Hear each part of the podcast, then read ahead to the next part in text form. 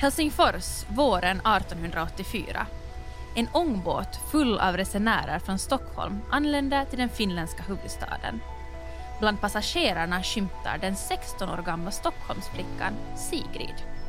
Precis som övriga landstigande kliver hon försiktigt fram längs de skraltiga träbryggorna och så vips når hon fast mark. Sigrid har alldeles nyligen sagt upp sig från sitt jobb som servitris på en restaurang i Stockholm. Syftet med den här resan, eller rent av flytten till Helsingfors, är att skaffa sig ett nytt arbete i den tidigare östra rikshalvan. Sigrid är både vacker och ung, ja, allt man kan önska sig av en flicka i samtiden. Och det tar inte länge förrän hon roffar åt sig en tjänst som servitris på en restaurang inne i centrum. Det Sigrid knappast kände till just där och då var att hon snart skulle bli en del av en större skara svenskor som sålde sin kropp i den dunkla Helsingforsnatten. I det här avsnittet talar vi om prostitutionens historia i Helsingfors med fokus på andra halvan av 1800-talet och tidigt 1900-tal. Uppsättningen manlig kund och kvinnlig prostituerad har varit den mest framträdande formen av prostitution i Finland. Det är även den formen av prostitution vi kommer att tala om. Män som köpt sex av kvinnor.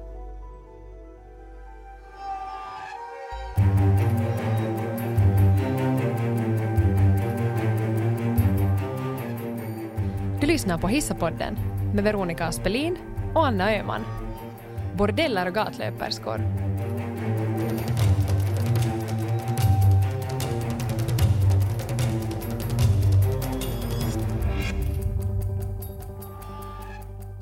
Under 1800-talet utvecklades Helsingfors från en liten universitets och ämbetsstad till en industrialiserad storstad.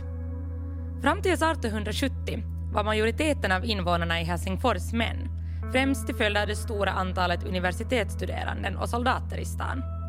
Mot slutet av decenniet började däremot allt fler kvinnor ta sig till huvudstaden i jakt på arbete.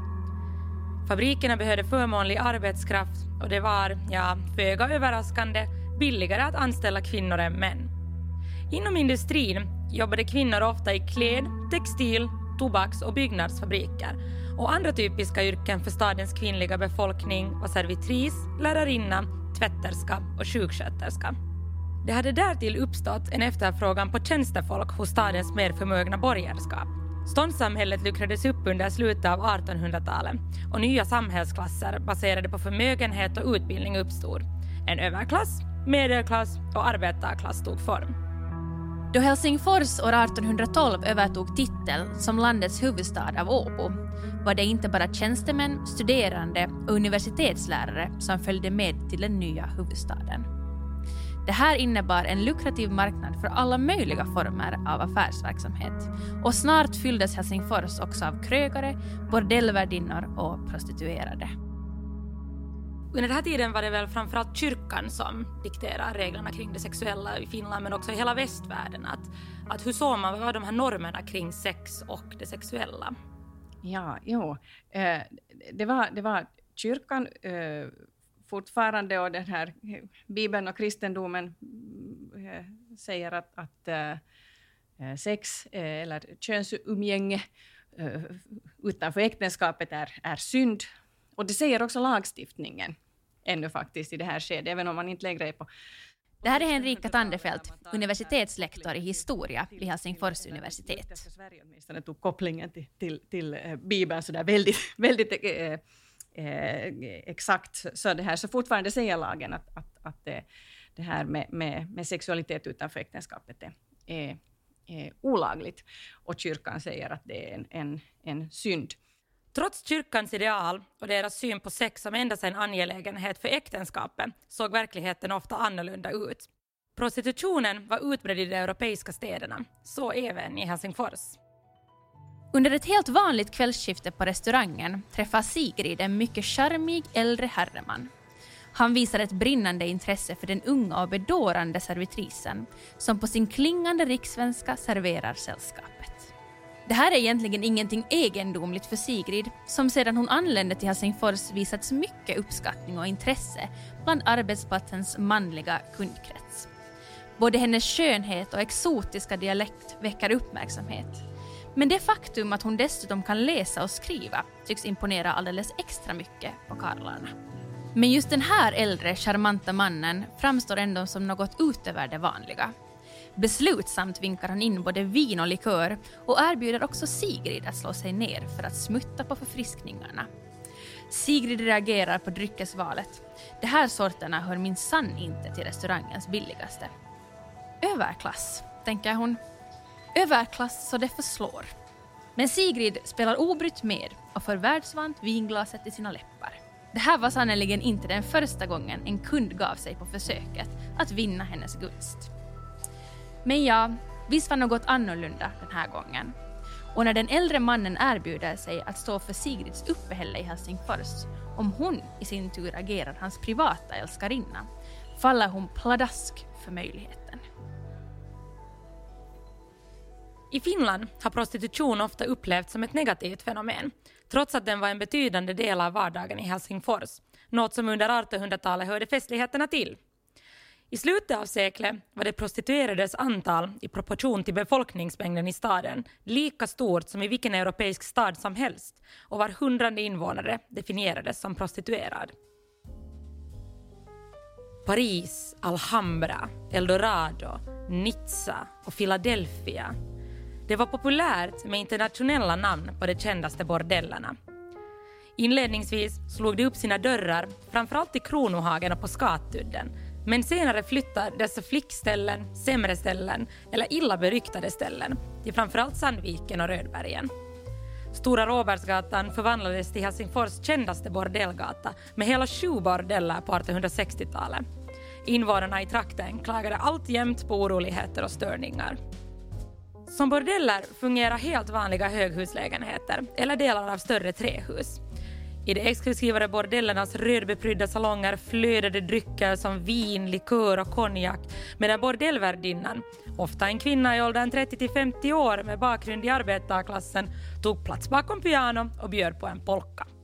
Gatuprostitutionen saknade den här sortens lyx och istället nöjde man sig med hembränt öl och alkohol utvunnet ur polermedel, polityr. Ja, det är ju även härifrån benämningen poliukko härstammar. Polityrgubbe, poliukko. Nattetid, då restaurangerna stängt för kvällen, förvandlades kvarteren mellan Mannerheimvägen och Fabiansgatan till en mötesplats för prostituerade och deras kunder. Köparna kände väl till gatorna, portgångarna och parkerna där de prostituerade vistades. På huvudgatan, Norra Esplanaden, ingicks ekonomiska överenskommelser mellan säljare och köpare i skydd av nattens mörker. Ryska officerare, soldater och matroser var av förklarliga skäl vanliga kunder bland Helsingfors prostituerade. Det var män utan möjlighet att bilda familj under sin tillfälliga vistelse i staden. Trots komplikationer med att stadga sig visade de sig ändå fullt benägna att fortplanta sig, om vi säger som så. Men mera om det senare. Men också stadens gifta män köpte sex. Masturbation definierades som en sjukdom som kunde leda till hudproblem och minnesförlust. Och i allmänhet såg läkare att det var bättre att besöka prostituerade än att masturbera. Det här fastän risken för att insjukna i en könssjukdom var överhängande. På Nylandsgatan skymtades ofta hästkuskar diskret rännandes omkring på uppdrag av aftonens verkliga kund som tryggt inväntade en kvinna bekvämt tillbakalutad i sin droska. Och än idag så vet vi faktiskt hemskt lite om vilka de här sexköparna egentligen var och, och hur de själva uppfattade sin handling. Tänkte det alls någonting på de här kvinnorna de mötte eller vilka konsekvenser de här samlagen kunde få, både på deras eget och den prostituerades och deras anhörigas liv. För män så var det ändå det var då officiellt inte accepterat att ha sex mm. utanför äktenskapet, men att man lite såg genom fingrarna. Medan för kvinnor så var det mycket mer strikt att kvinnor skulle mm. inte ha sex utanför äktenskapet, mm. inte heller genom att se det genom fingrarna. Jo, jo absolut, det här bygger ju, bygger ju på de här eh, normerna kring, kring kön, kring manlighet och, och det här kvinnlighet, som är, är och blir, utvecklas under 1800-talet till liksom extremt strikta. Vi ska inte tro att, att det är ett stort förr i tiden där alla hela tiden upplever det så här, men om vi nu rör oss i det här 1800-talet Europa och, och, Finland. Så, så, det här, så, så är grunden till varför då män ändå ska kunna och gå till sin prostituerade eller sin lilla bordell för att det ingår i den här eh, eh, bilden av manlighet att, att, att ja, men det behöver de göra, kanske särskilt unga män. Att det, det, det här, det, det, det, det, boys will be boys och det här liksom behö, behövs en sån här eh, utgång för att få utlopp för det här som är väldigt naturligt för män, men av någon anledning väldigt onaturligt Eh, för, för eh, kvinnor. Så att man ser att liksom, i den här kvinnligheten finns den här naturliga dygden och den här förmågan att kontrollera, kontrollera sig, som man då sen ser att inte, inte finns eh, eller kan krävas av, av, av män. Så den här kvinnorollen är ju sådär otroligt snäv just på 1800-talet och, och, och, det här, eh, de här normerna kring vad, vad, vad kvinnor kan eller inte, inte eh, kan, kan göra. Att de här normerna och sen för manlighet och kvinnlighet så kan vi ju inte heller ta som sådana givna klöntar att alla män får göra så här och alla kvinnor får göra så här, utan vi måste alltid komma ihåg det här, det sociala spektret som, som, som finns, vad som är lämpligt när du är i position X eller position Y när du, när du är, är liksom socialt högt upp eller, eller, eller, eller lågt eh, nere. Och på det sättet så, så, det här, så kan till exempel då lössläppta män eh, så där, lägre ner på en social skala så kan ändå uppfattas som, som det här djuriska och omoraliska medan, medan det på något sätt kan vara tillåtet hö, högre upp socialt. Och också Sigrids lycka tycks vända efter bara några månader. Den tidigare så charmanta och förföriska mannen konstaterar plötsligt kallt att han har tröttnat på sin älskarinna och överger henne utan några vidare förklaringar. Sigrid står nu återigen framför utmaningen att hitta ett jobb i staden för att kunna försörja sig. Bara någon vecka senare förvärras situationen ytterligare då Sigrid upptäcker någonting som rör sig inne i sin mage. Hon bär överklassmannens barn. Konkurrensen om arbetsplatserna i Helsingfors är hård och jobbtillfällen för en 16-årig gravid flicka serveras knappast på silverfat. Men Sigrid bestämmer sig trots det för att stanna i staden och söker nu med ljus och lykta efter andra tänkbara anställningsmöjligheter. Trots sin utsatthet vägrar hon uppsöka stadens skyddshem och blickar istället mot en annan utväg hon finner mera hållbar. Prostitution. På gatorna rörde sig prostituerade från samhällets olika klasser. Unga kvinnor som sökte lyckan i Helsingfors värvades till sexhandel genom bordellinnehavare och andra prostituerade. En annan inkörsport var överklassmän som själva var ute efter sexköp. För vissa var beslutet att börja prostituera sig ett medvetet val, med vilket man strävade efter att höja sin egen levnadsstandard. Prostitution kunde faktiskt innebära höga inkomster och en förmögen livsstil. Många prostituerade hade erfarenhet av arbete inom industri eller service och det var heller inte ovanligt att prostituera sig vid sidan om sin huvudsyssla för en extra slant. För andra var det arbetslöshet och en dålig samhällelig ställning som pressade fram beslutet. Utomäktenskapliga barn måste försörjas och då du en gång stämplats som prostituerad var det svårt att hitta ett annat jobb i stan. Avsaknaden av ett socialt skyddsnät både drev kvinnor till prostitution samtidigt som det försvårar processen att ta sig ur den.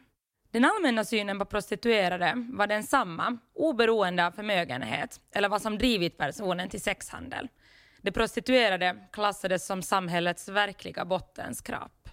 Man kunde se på prostituerade som, som eh, förlederskor men, men, eller som, som eh, offer eller som, som de där kvinnorna som är tillgängliga för att de är, eh, för att de är av en, en sån social kategori. De ingår i kategorin eh, lössläppta kvinnor eller de ingår helt enkelt inte i kategorin fina flickor och anständiga eh, kvinnor utan är liksom någonting annat än det hela den här indelningen eh, som 1900-talet eh, eh, har ju ännu, och kanske vi ännu får, får, får kämpa mot, mot den här indelningen i de här, den här eh, snälla flickor, goda flickor, fina flickor och, och, och sen de här, de här eh, som, som inte är det och, och, vad betyder det när man är det ena eller det andra. Men, men en sån här, eh, sån här eh, indelning finns ju och om man tänker på, på den här Eh, moralreformrörelsen som det har benämnts, de här eh, eh,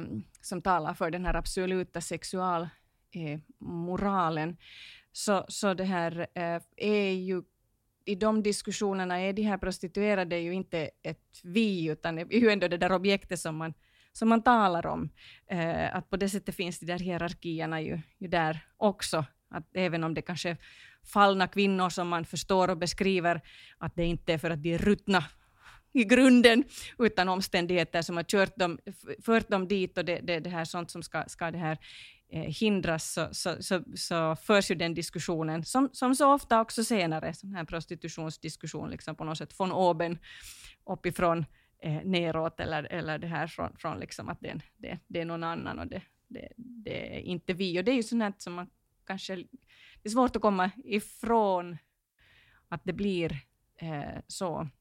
De prostituerade övervakades och synades och ansågs vara orsaken till att prostitution överhuvudtaget existerar. Prostitution skulle dock inte ha existerat, eller fortfarande existera, ifall en efterfrågan på sexköp inte fanns. Trots det här så var det endast de prostituerade och inte kunderna som skulle övervakas och kontrolleras. Mekanismen i ett sånt här eh, hierarkiskt eh, samhälle är ju just sånt här att det, det, det här eh, att vissa, vissa liksom uppfattas som, som beyond, ovanför det här och behöver inte kontrolleras. Samtidigt eh, får man kanske säga att i, i, den här eh, eh, sedlighetsdebatten som sen förs då på 1880-talet så finns det alltså de som just precis lyfter fram det här också.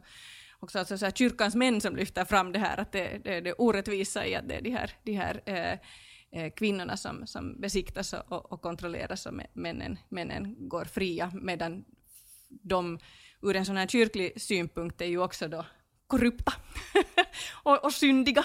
Och, det här, och varför ska deras synd eh, då vara, vara, vara det här eh, mindre? Bordellförbudet i slutet av 1800-talet var bara ett tilltag i kampen mot prostitutionen och konsekvenserna den förde med sig. Könssjukdomarna florerade och stigmat kring könssjukdomar var stort. En syndares lön hette det. De lokala myndigheterna gjorde sitt för att bekämpa epidemierna. De prostituerade tvingades regelbundet uppsöka stadens besiktningsbyrå, där deras hälsotillstånd bokfördes. En korrekt ifylld och dokumenterad så kallad besiktningsbok innebar grönt ljus för fortsatt prostitution. Ifall könssjukdom upptäcktes fråntogs den prostituerade sina rättigheter och skickades vidare till Gumtäkts sjukhus för vård. Ja, ni hör ju själva hur man såg på de här kvinnorna. Som någon slags fordon eller objekt som ska besiktas och godkännas. Ja, precis. Det behövdes dessutom inga särskilt tunga bevis på att en person prostituerade sig, utan det räckte med en misstanke om att prostitution förekom. Ifall kvinnan vägrade följa med till besiktningsbyrån anlitades poliseskort. Genom besiktningarna kunde myndigheterna hålla koll på vem som prostituerade sig i staden och centralerna fungerade också som ett slags övervakningssystem. År 1907 besiktades exempelvis 774 personer. Av dessa var 569 kvinnor som besiktades tillfälligt, medan 163 besiktades regelbundet. Av övriga registrerade var 30 män och 12 barn, alltså personer under 16 år. Det här systemet kritiserades redan i samtiden för att inte vara ett särskilt effektivt skydd mot spridningen av könssjukdomar, eftersom det endast omfattade prostituerade, men inte kunderna. Många klandrar också staten för att åtminstone indirekt godkänna verksamheten genom besiktningarna. Den här typen av kontroller pågick officiellt åren 1875 till 1908, men besiktningarna fortsatte betydligt längre än så. Fram till 1943 tvingades kvinnor uppsöka besiktningsbyråer för syfiliskontroll.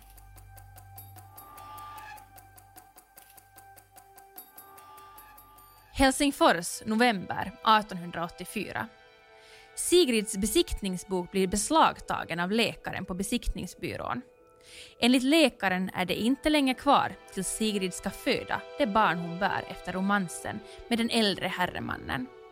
Hon kan inte fortsätta prostituera sig så här långt in i graviditeten, menar läkaren. Den 6 januari, därpå följande år, föder Sigrid en frisk son. Men babylyckan blir kort. Sjukdomar härjar i staden och som så många andra spädbarn insjuknar Sigrids pojke i magsjuka och dör bara några dagar senare. Efter två månaders återhämtning styr Sigrid åter stegen ut i Helsingforsnatten, redo för att återuppta prostitutionen.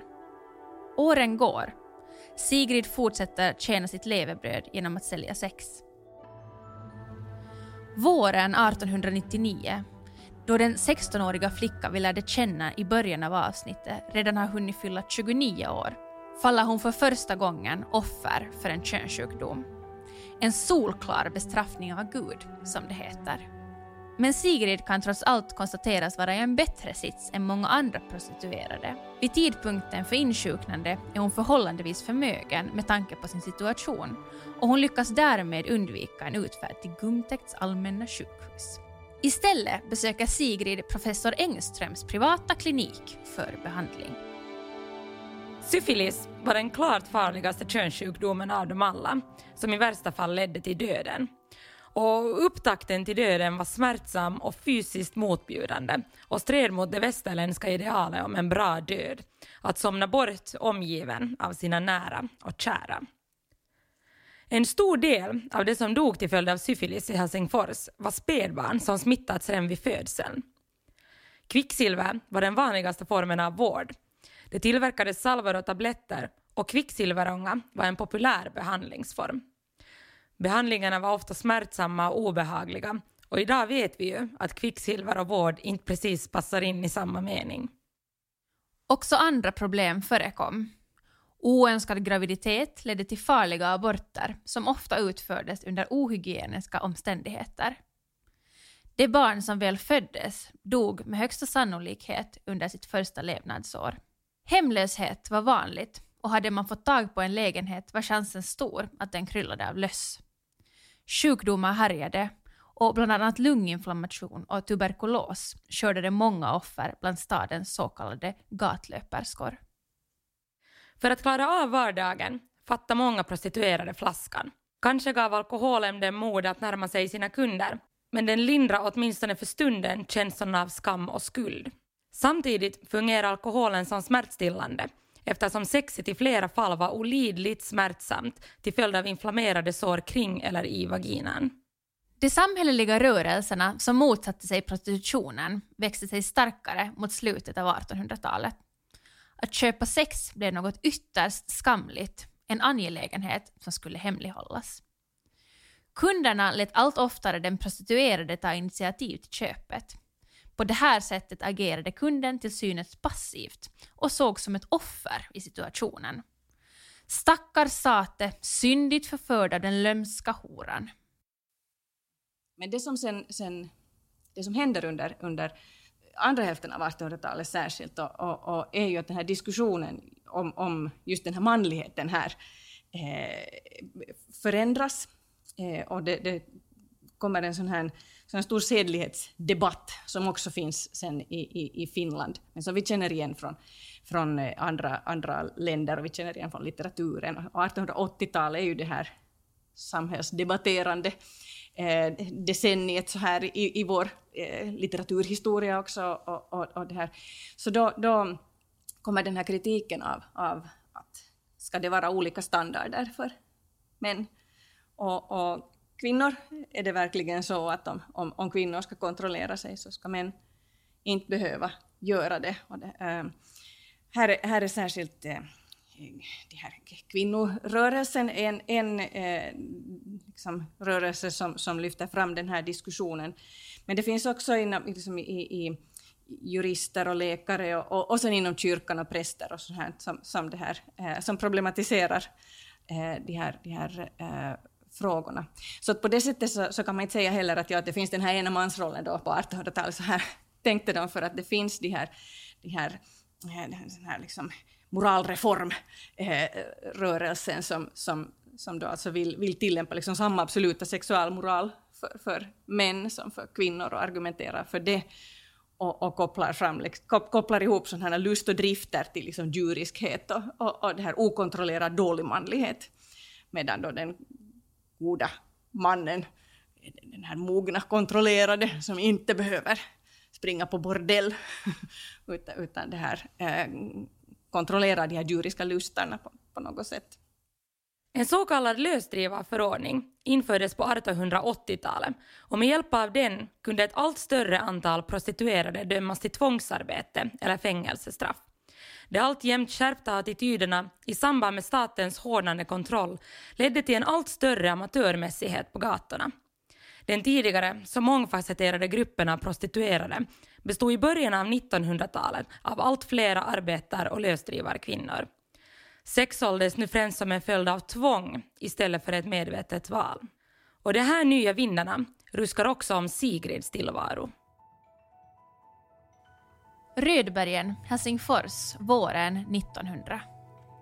Sigrid, som redan har ägnat sig många år åt prostitution, bestämmer sig för att det är hög tid att lämna gatan. Något direkt branschbyte är det ändå inte tal om, utan enbart ett skifte i arbetsuppgifter. Sigrid står modigt upp sin egen bordell på Sjömansgatan 37 i Rödbergen.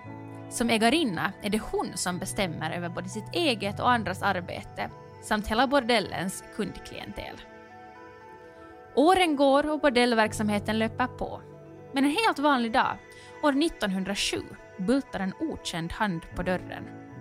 Just den här gången är det ingen herreman som uppsökt bordellen för att få sina lustar tillfredsställda, utan sedlighetspolisen. Där står han, med krav på att bordellen ska stängas. Och inte nog med det, han beordrar dessutom Sigrid att lämna landet för att återvända till Stockholm, som hon övergav för hela 23 år sedan. Men Sigrid vägrar. Istället finner hon lösningen i att gifta sig med en finländare och lyckas på så vis undvika utvisning. Giftermålet, som endast baserar sig på en ekonomisk uppgörelse, varar som kanske väntat inte särskilt länge. Istället lyckas Sigrid charma en domare i stan och förhållandet mellan dem är snart ett faktum. Paret gifter sig aldrig, men Sigrid får två barn, troligtvis tillsammans med den här mannen, som överlever de kritiska småbarnsåren. Den rådande strafflagen drabbar främst bordellägarna och var svåra att i brist på bevis tillämpa direkt på de prostituerade. Den lösdrivarförordning som infördes 1883 började däremot tillämpas på en allt större skara prostituerade mot slutet av 1800-talet. Domarna blev fler och straffen längre och hårdare ju oftare den prostituerade dömdes. Fängelser, arbetsanstalter och tvångsarbete blev snabbt vardag för en stor del av de kvinnor som regelbundet prostituerade sig i stan. Tiden på sjukhusen och anstalterna utnyttjades för att skapa nätverk. I korridorerna skvallrades det om myndigheternas tillvägagångssätt medan yrkeshemligheter utväxlades mellan sjukhussängarna. Välbehövliga framtida kontakter för livet på gatan knöts där och då. Mäntyharju, södra Savolax, hösten 1910. En arbetarfamilj gläder sig över sitt nyaste familjetillskott, en flicka på 3,5 kilo. Flickan döps till Sanni och hon går ut både folk och skriftskolan och börjar som 14-årig jobba som betjänt i olika delar av Finland. Till slut landar Sanni i Helsingfors för att jobba som butiksbiträde. Efter en tid säger Sanni oförklarligt upp både arbete och lägenhet och flyttar till ett resenärshem. Helsingfors den 7 september 1931. Klockan är kvart över tre på natten och de flesta i området ligger och sover. Den nattliga friden får ett abrupt slut då en ung kvinna under högljudda protester arresteras av polisen för att ha prostituerat sig. I Helsingforsnattens dunkla mörker eskorteras den 21-åriga Sanni till stadens besiktningsbyrå. Läkaren förkunnar domen. Könssjukdom, med största sannolikhet syfilis. Sanni slussas vidare till Gumtex sjukhus. Under de kommande åren arresteras Sanni otaliga gånger och prostitutions och lösdriveridomarna utlöser varandra. Sannis vardag består av tvångsarbete och fängelsestraff på olika orter i Finland. Straff som varmas med prostitution under tiden hon befinner sig på fri fot. Staten misslyckas med att trots sina kännbara straff avskräcka Sanni från prostitutionen. Som 51-åring arresteras Sanni för sista gången för just det brottet. Fylleridomarna fortsätter i sin tur hagla fram tills hon 71 år fyllda avlider på stadens ålderdomshem. Ulrikasborg, Helsingfors, hösten 1920. Barnens rop och gråt ekar i trappuppgången. Polisen vräker Sigrid och hennes två småttingar från den lilla familjens lägenhet på Jungfrustigen. Familjen lever en tillvaro som stör husfriden, menar hennes grannar. Lögner, totala lögner, protesterar Sigrid. Så som så många andra medborgare i samtiden har grannarna anmält Sigrid eftersom de misstänker att prostitution pågår i lägenheten. Hon är väl medveten om deras avsky gentemot henne som en del av samhällets allra lägsta bottenskrap. Detta förstås i kombination med rädslan för att deras egna män ska uppsöka henne och hennes tjänster. De strängare attityderna mot prostitution hängde ihop med en större samhällelig utveckling under slutet av 1800-talet. En av dem var medborgarsamhällets och den offentliga debattens entré på samhällsarenan. Föreningar grundades och rörelser bildades framförallt för att föra fram samhällets orättvisor och missförhållanden. Kvinnosaksrörelsen tog fasta på prostitutionsfrågan, ofta i samband med diskussionen om könsmoral. Det som ju händer eh, under 1800-talets andra hälft eh, i, i, i Finland och, och, och annanstans är ju hur det här medborgarsamhället växer upp och med de här eh, medborgarrörelser och, och, och, och eh, eh, där, där man, man eh, engagerar sig för olika frågor i offentligheten. Och, och då kvinnosaksrörelsen och den här kvinnoemancipationen hör, hör till det här fältet.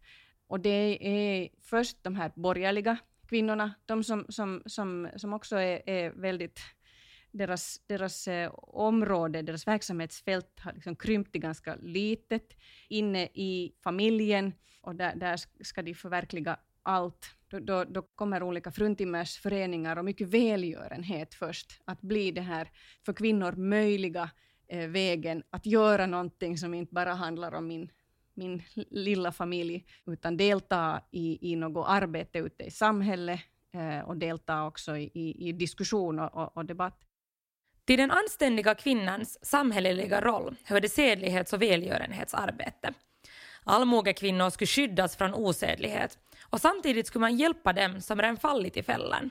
Välgörenhetsföreningar drivna av borgerliga kvinnor grundade skyddshem och 1880 öppnades Emma Mäkinen skyddshem i Helsingfors som under sin aktiva tid erbjöd skydd åt upp till 120 kvinnor. Skyddshemmen hjälpte prostituerade men även andra av samhällets olycksfåglar, framförallt ekonomiskt. Hemmen kritiserades för sin stränga ledarstil. En stil som ofta skuldbelägrade kvinnor som uppsökte hjälp. De här hemmen leddes trots allt ofta av överklasskvinnor som inte hade en realistisk uppfattning om de prostituerades liv.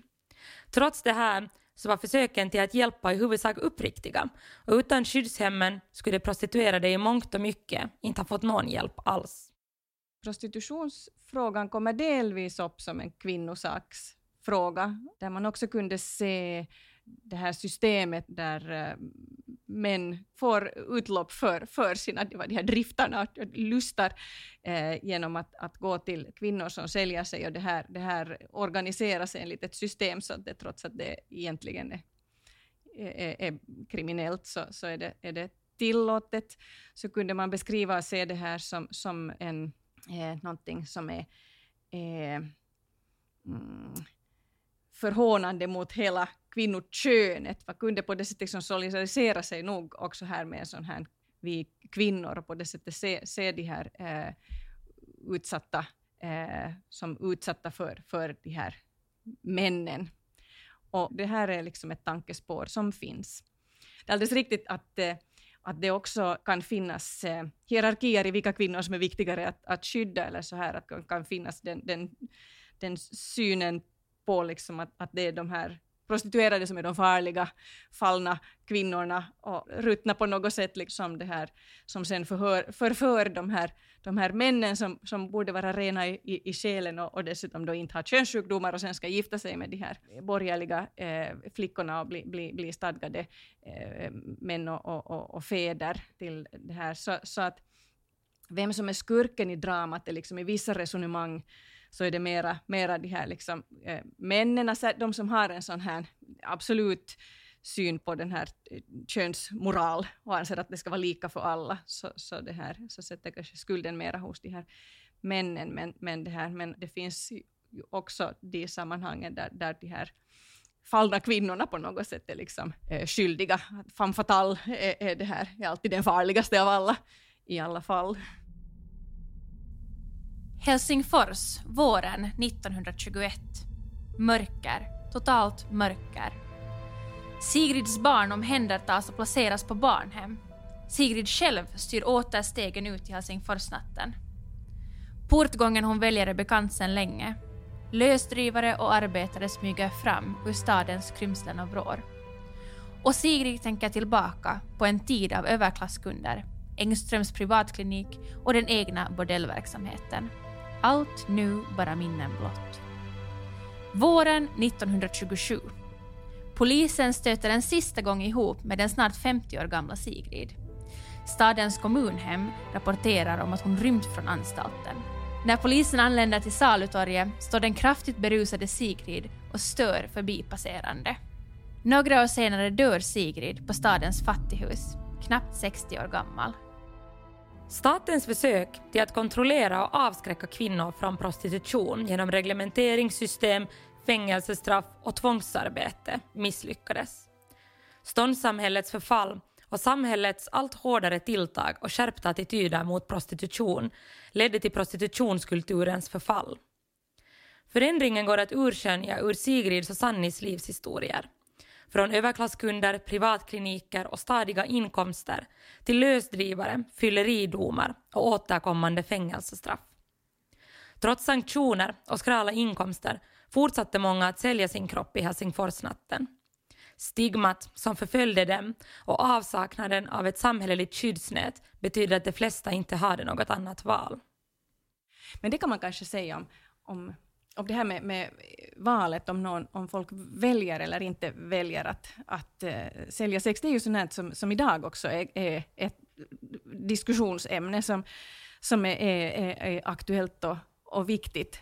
Uh, och, och där, där Eh, det att man vill också vill och behöver kunna, kunna se här kvinnor som säljer sex som alldeles liksom egna eh, subjekt och aktiva människor med egna val gör ju att man måste ja, lyssna till vad säger de själva om, eh, om det här, om jag väljer eller inte väljer att, att, att göra det här och kunna inse ja, att, att, att det inte är alltid så enkelt att det finns bara den där offerrollen som man så lätt vill se det som en sån här polarisering mellan förövare och offer och det är män och kvinnor och rika och fattiga. Ni vet, ni vet det här utan att det kan vara, kan vara eh, mera, mera komplicerat. Men, men, det här. men sen är det ju också så att, att jag väljer att försörja mig så här.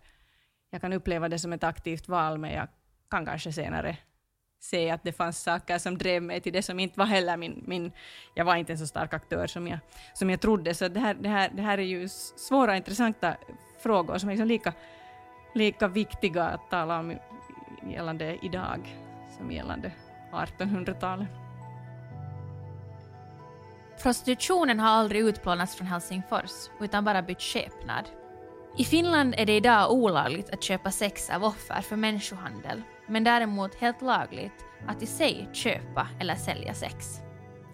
Mötesplatsen mellan kund och prostituerad har till stor del förflyttats från gatan, restauranger och tidningar till sajter på nätet. Idag säljer uppskattningsvis 8000 prostituerade sexuella tjänster i Finland, de flesta av dem på deltid, vid sidan om annan sysselsättning. Precis som tidigare varierar de prostituerades utgångspunkter och motiv. Internationell koppleriverksamhet förekommer också i Finland och prostitutionen går ofta hand i hand med sociala problem såsom fattigdom, missbruk och utsatthet. Det samhälleliga stigmat de prostituerade utsätts för är fortsättningsvis hårt.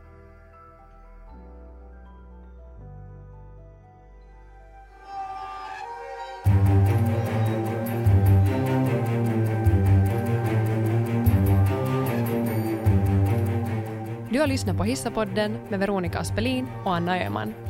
Inspelad av Tobias Jansson och producerad av Freja Lindeman.